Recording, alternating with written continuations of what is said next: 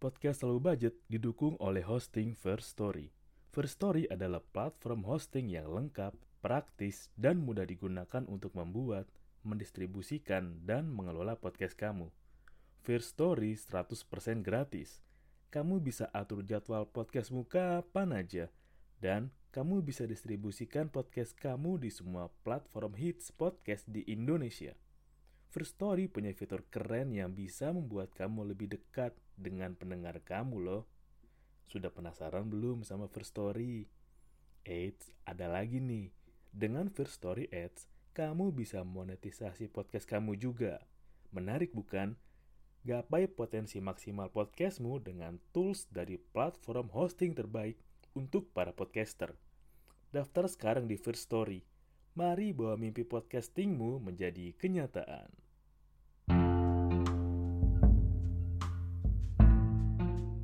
Selamat datang di Siniar Low Budget. Nggak harus mahal untuk nikmatin hidup. Gue mau ngebahas yang lagi rame. Pas banget hari ini sih. 13 Juni. Mungkin nanti muncul di Spotify atau Noise tanggal 14 kali ya. Uh, so, rame soal viral cleaning service bersihkan sepatu pengunjung mall. Nah, buat lo yang belum tahu nih, jadi videonya itu ada rekaman yang ngasih tahu ada uh, cleaning service. Jadi dia tuh uh, dia bersihin sepatu mbak-mbak nih, mbak-mbak. Nah, terus sambil dibersihin gitu direkam sama orang yang nggak tahu kita siapa lah. Nah, ya gue sambil rekaman oke. Okay. Tuh. Nah, jadi ada video sepotong yang lagi ngerekam itu Bamba lagi dibersihin sepatunya sama cleaning service itu rame ya banyak yang komen lah banyak yang menghujat kayak weh lah lu sombong banget siapa sih lu? Sampai minta OB untuk bersihin sepatu lu ya lah emang sepatu berapa harganya sih? Ya emang ya manner ya yang ya tolong ya manner jaga ya dan siapa yang dibinatangin nih? Kayak hmm. Jadi gue coba baca komen oke siapa nih? Akun ini tolong kasih tau saya akun IG orang ini mau saya sikat. Wow. Nah yang lagi rame juga ada komentar dari akun TikTok. Nah Agnes underscore Jennifer. Jadi lu bisa lihat nanti sih video reaksinya belum dihapus kayaknya. Nah ini dia komen juga ya nih lu sambil bisa dengar suara TV-TV sambil gue play sih. Ya dia ternyata kesel sama video yang direkam sama orang ini. Seakan kan ya oh lu lu siapa? Bisa lu nyuruh nyuruh OB sampai bersihin sepatu lu. Dan dan gue ngutip dari Wallipop ada nih beritanya. Klarifikasinya tepatnya. Jadi oke okay, gue sambil bacain sekilas dan di DM langsung di DM langsung sih dari ibunya si cewek yang kerekam itu. Oke okay, uh, eh, mm, mm, gue baca loh oke. Okay. jadi klarifikasinya tuh si Mas menawarkan diri membersihkan sepatunya pakai sikat dan air dari embernya. Saat si gadis mau lepas sepatu untuk dia bersihkan sendiri, masnya bilang, jangan lepas sepatu, sini saya bantu sikatin. Jangan mas, saya sikat sendiri aja. Tapi yang masnya jawab, mbak, repot loh sikat sendiri. Dan masnya gercep bantu bersihin sepatunya. Nah, masalahnya adalah banyak orang yang udah komen duluan pada video yang keburu viral di TikTok. Dan lagi-lagi, ini jadi pembelajaran yang gue juga baru tahu, oh iya juga ya, gue makin ngeh bahwa lu jangan ambil kesimpulan penuh terhadap informasi yang sepotong. Kalau emang lu lihat sendiri kok di cuplikan TikTok yang lagi rame itu sebelum di-cut itu ada kok yang bamba sebelah itu mau ngasih duit tapi keburu dipotong duluan. Nah, mungkin kan, mungkin saat itu juga yang ngerekam juga ya lu namanya juga orang kan lagi apa itu betul langsung rekam rekam gitu kan tanpa mikirin juga akibatnya gimana dan sebenarnya juga ngerekam orang tanpa concern, tanpa izin juga yang ngelanggar privasi sih. Karena kan yang ngerekam pun juga taunya setengahnya doang atau bahkan mungkin diedit, aku juga nggak tahu sih apakah mungkin diedit untuk kepentingannya kan nyari FYP kan sekarang apa taunya FYP, FYP gitu kan. Dan udah keburu meledak duluan dan untungnya sih ada klarifikasi cepet ya dari keluarga Mbak ini yang direkam ini. Dan lo tau sendiri lah bagaimana ya para warganet tuh netizen itu yang ya menurut gue tolol aja sih terlalu cepat bergerak tanpa mikir. Lu heran juga sih kayak uh, gini aja deh bertindak dulu mikirnya belakangan. Toh kalau misalkan rame gue salah ya gue nggak dia papain kan gue nggak keciduk kan gue nggak ketahuan siapa pakai akun anon ya gue juga pernah bilang sih bahwa orang-orang yang cepet berapi-api cepet gitu ya cepet kesel cepet menanggapin hal yang belum tentu benar kebenarannya bisa jadi orang-orang yang ya hidupnya mengecewakan lah. Gue pernah bahas juga orang hidupnya mengecewakan. Jadi ya ketika dia nggak bisa atau belum ingin perbaikin diri jadi dia melampiasin kekesalannya rasa kecewaannya ke orang lain. Makanya orang-orang yang komennya nggak ngotak atau asal jeplak juga kayak ya paling antara bocil orang-orang tolol sama orang-orang yang ya gue udah kalah duluan sama hidup nih. Gue nyari kemenangan gimana ya? Ya udahlah kayaknya kalau gue ikut ngerundung orang yang belum tentu benar itu jadi kebangan gue sendiri deh kayak wah ya gue ikutan partisipasi lo gue ngeluarin opini gue sama orang ini. Ya padahal belum tentu dia salah kayak tadi dibilang udah keburu ramai lagi yang Mbak Angel tadi itu yang lo perhatiin juga dia bukan bocah sih yang komen sih dan udah keburu panas dulu udah keburu bikin dulu aja jadinya rame. Dia kalau umurnya ya lucu aja lo udah umur bisa dibilang di atas 26 27 lah. Tapi lo masih gampang tersulut emosi sih itu lucu banget buat gue. Nah ini juga salah satu hal yang kalau lo perhatiin deh orang-orang kita tuh gampang banget gampang banget namanya ngelihat sesuatu secara keseluruhan. Jadi kalau ada apa-apa tuh ya udahlah. Apa yang di depan mata itu yang ditanggepin. Ini gue sama inget-inget nih. Kan kita tahu sendiri lah masyarakat kita itu terkenal sama nggak bisa ngebedain fakta dan opini. Termasuk yang gampang juga kemakan hoax. Gampang sorry Oh, termasuk negara yang minat literasinya rendah.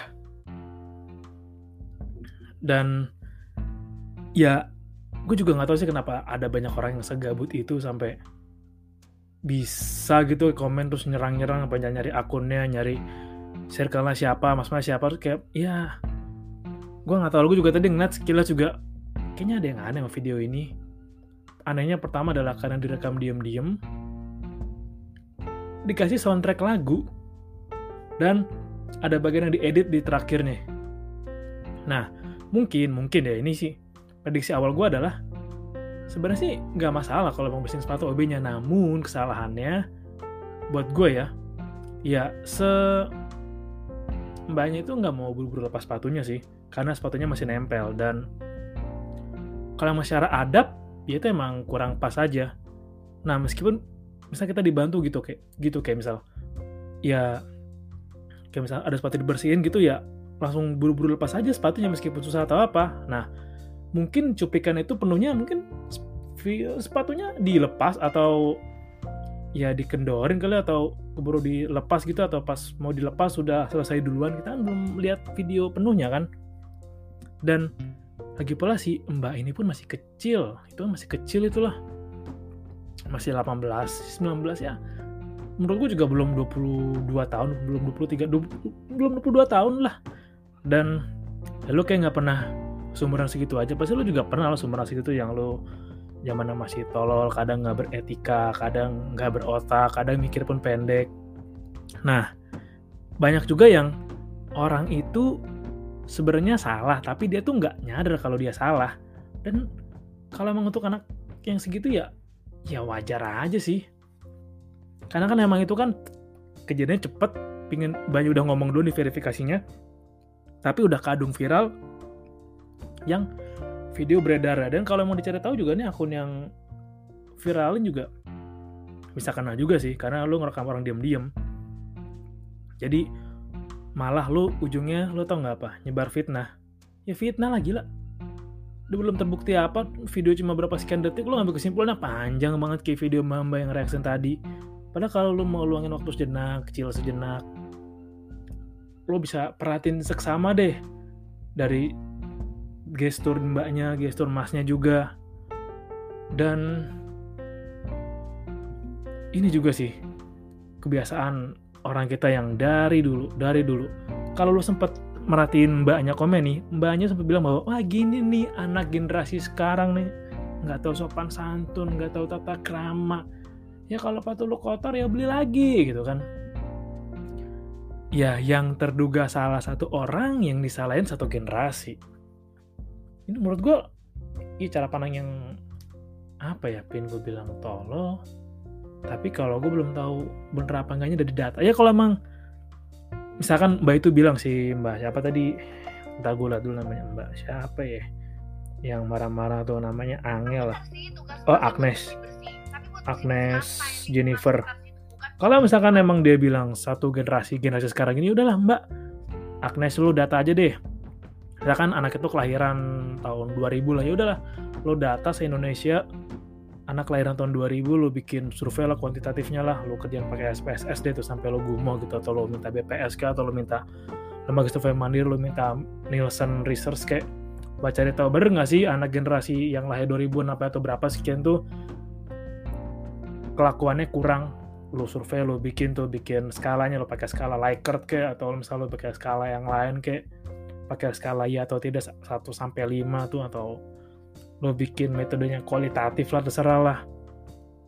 Tapi emang kebiasaan kita tuh suka banget nyalahin keseluruhan. Jadi bagaimana tuh ya yang paling berlaku peribahasa tuh ya karena nilai setitik rusak susu sebelanga. Ya nilai itu racun susu sebelanga tuh anggapnya sebaskom lah. Kan nilai setitik. Nah jadi apa apa tuh keseluruhan kayak gue juga kadang masih suka kayak gini sih. Dan mungkin kalau gue masih ya gue akuin lah karena gue masih suka nyalin gitu emang kalau lagi mau saat aja kayak ah, anak sekarang susah banget dibilangin. Dan satu fakta yang masih dan menurut gue relate sih anak sekarang itu generasi anak-anak yang kalau gue bilang kategori kategori tahun lahir tahun 2010-an lah iya apa-apa main HP mulu ketika diajak ngobrol main HP ketika bersosialisasi main HP ketika anaknya lagi main sebaya aktivitas mainnya HP, HP, dikit-dikit HP, nangis HP, nangis. Nah itu baru bisa gue bilang bener lah. Lu juga ngalamin juga kan anak sekarang yang generasi ya mendekati 2010 sampai ke 2022 eh, ini anak yang lahir 2010 sekitar situlah apa kan HP terus kan jadi interaksi sosial kurang rasa hormatnya kurang adabnya kurang dan gitu-gitu lo pasti ngerasain juga itu masih bisa relate sih karena emang sebagian dari lo ngerasa mungkin kalau di ambil survei bisa juga apa yang gue bilang bener itu kan terjadi di kota-kota besar atau di kota-kota satelit lah kalau sambil surveinya sepulau Jawa. Tapi balik lagi, melihat keseluruhan dari hal statistik itu bahaya sih. Jadi lo kalau mau tahu nih, uh, di psikologi itu ada namanya beberapa aliran lah. Jadi ada aliran fungsion fungsionalisme, behaviorisme, psikoanalisis. Nah, kebiasaan melihat keseluruhan itu namanya aliran gestalt. Jadi gue dulu dulu dicontohnya tuh kayak misalkan misalkan nih lo lihat tangan gue. Misalkan lo lihat lengan gue di lengan kanan gue nah lo bisa bilang ini bahwa ini lengan gue gitu.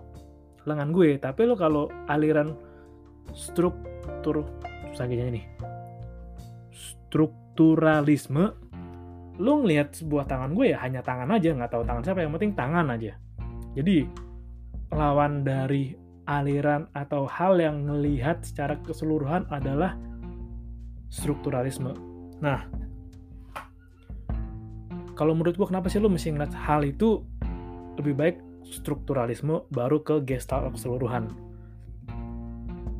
Ini ini hmm, gue bilang mindset mungkin juga bisa masuk. Karena misalkan gini, lo punya uang 100 ribu, tiba-tiba gitu kan lo terpaksa banget beli ST atau lo beli fresh tea atau mungkin ya itu teh pucuk gitu goceng 5000 lah. Jadi uang lo 95.000 sisanya. Nah aliran gestalt bakal bilang bahwa uh, uangku udah nggak 100 ribu lagi uh, udah kepake goceng uh, tinggal 95 ribu uh, Nah, aliran strukturalisme bilang, oh udah aku minum pakai goceng udah nggak apa-apa deh, uang gue masih ada 95 ribu. Nah, kata tinggal dan masih itu dua hal yang berbeda cara ngeliatnya. Kalau lu ngeliatnya kayak tinggal 95 ribu, ya berarti lu berfokus pada apa yang udah nggak ada. Ah, udah hilang goceng, udah nggak genap angkanya gitu kan. Kalau lihat secara perlahan, berarti lu fokus ke apa yang masih lo punya. Dan lu bisa mensyukuri lagi, lu menikmati lagi. Karena emang, kalau biasa lo keseluruhan adalah lu melupakan apa yang masih lo punya dan lu melupakan bahwa ada banyak hal penting yang bisa lo lihat gitu dari nggak cuma dari apa yang hilang doang. Nah, coba gue ambil contoh apa lagi ya. Uh, oh, ini gue ingat dulu waktu gue pelajarin ini di kelas. Uh, kebiasaan guys atau kebiasaan melihat keseluruhan itu bikin lu juga kalau lu nggak pintar-pintar menggunakannya lu bisa menjadi atau mempunyai pola pikir yang bias deh. Gue kasih contoh berikutnya. Misalkan di depan lu ada busi. Oke, misalkan busi XXX. Nah, aliran Gestalt melihat busi itu adalah motor. Busi, busi adalah motor. Nah, aliran strukturalisme bilang busi ya busi. Busi. Jadi kelebihan dan kekurangannya adalah kalau Gestalt mungkin lo bisa melihat sebuah gambaran besar dari hal kecil kalau apa yang lo yakini benar. Tapi kelemahannya adalah bisa jadi itu sebuah bias. Karena ini kan busi, bisa jadi ini busi untuk mobil, busi untuk truk. Kalau lo orang awam gitu lo nggak tahu untuk model businya. Kalau strukturalisme lo ngelihat perbagian-perbagian atau bahwa ini oke busi ini kita lihat perhatiin busi apa nih dari ukuran dari bentuknya dari harganya, dari beratnya, oh kayaknya nih busi motor nih gitu. Lo bisa lebih rasional dan lo bisa lebih menelaah banyak hal.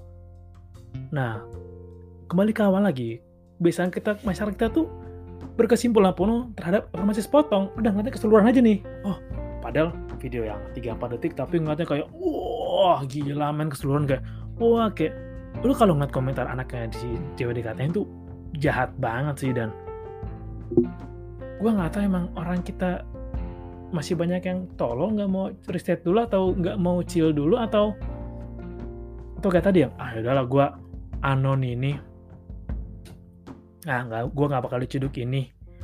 Lu belum tahu aja orang-orang yang lu pasti pernah dengar kan orang-orang yang punya privilege yang udah punya nama-nama besar. Mau lu katain kayak apa juga mereka bisa cari tahu lo di mana dan nyiduk lo tiba-tiba. Lu jangan salah. Nah orang yang bersembunyi di balik akun anon juga orang-orang yang sebenarnya lemah aja sih kayak pecundang-pecundang yang kalah duluan sama hidup yang fisik remaja badan lansia. Yang hobinya rebahan tapi menuntut perubahan. Ya hobinya tiduran tapi berharap penghasilan bisa berkelimpahan. Nah, panjang juga kalau dijelasin sih asal orang-orang model kayak gini, tapi salah satunya emang karena budaya instan dan ya pengaruh-pengaruh. Kampanye-kampanye halal yang lu bisa kayak instan kok kalau lu ABCDE gitu. Ah nggak perlu nggak perlu usaha berat kok kalau mau punya duit banyak nggak perlu repot-repot kok gitu. Atau ya budaya kayak oh anak muda nih kayak diciptakan mindset oh anak muda nih anak muda tuh mesti gaul kayak gini mesti punya ini mesti punya ini. Ya contohnya kayak bagaimana mindset bahwa kalau orang kaya itu punya HP Apple kayak tolol apa gimana sih ya orang kaya bukan orang kaya itu bukan punya HP Apple. Orang kaya itu yang duitnya banyak itu pasif income-nya banyak. Sumber uangnya banyak. Tidur aja bisa ngasilin duit. Lalu maksa-maksaan beli Apple tiduran lo mikirin utang. Kan tolol ya. Dan anak muda banyak yang kayak gini lagi. Mungkin juga kalau lo ingat istilah perang yang bikin mereka gini salah satunya adalah ya hard times make strong people. Strong people make easy time. Easy time make weak people. Mungkin yang bisa gue sampein itu sih alur yang nanti kalau baca kalau sempet baca ya alur yang hard time create strong people gitu mungkin relate bahwa ya banyak orang-orang yang sekarang ini ya lembek-lembek aja karena emang udah pernah lewatin waktu yang berat, masa yang berat dan dididik dengan pola yang santuy mungkin. Jadi ya udah kayak santai aja. Mungkin sih gue juga belum tahu belum risetnya. Tapi lagi-lagi kayak berkesimpulan utuh terhadap informasi sepotong itu perbuatan yang goblok. Nyalahin satu generasi juga goblok karena emang Indonesia itu begitu luas Indonesia bukan cuma Jakarta, Tangerang, SCBD, Bekasi, Jakarta Timur, enggak. Indonesia tuh luas dari Aceh sampai Papua. Menggeneralisi, men menggeneralisir itu bukan hal yang bagus. Karena lo membuat bias hal-hal yang sebenarnya baik dan ada, tapi lo udah keburu menjelek-jelekan duluan, negatif thinking duluan, jadi jangan salahin diri lo kalau lo dikelilingin vibe negatif karena lo sendiri yang mengundang itu datang ke diri lo. Mengabaikan apa yang udah lo punya. Setolol kayak menyimpulkan bahwa kayak ah semua cowok sama, semua cewek sama. Ya lo jangan nyalahin kalau orang-orang yang jahat yang datang ke hidup lo karena menurut lo semua orang itu jahat, semua cowok jahat, semua cewek juga jahat, dan lu dapet jahat ya lu jangan nyalahin toh lu yang ngundang mereka sendiri dengan keyakinan lu, dengan mindset lu. Jadi kurangin lah, apalagi yang lu udah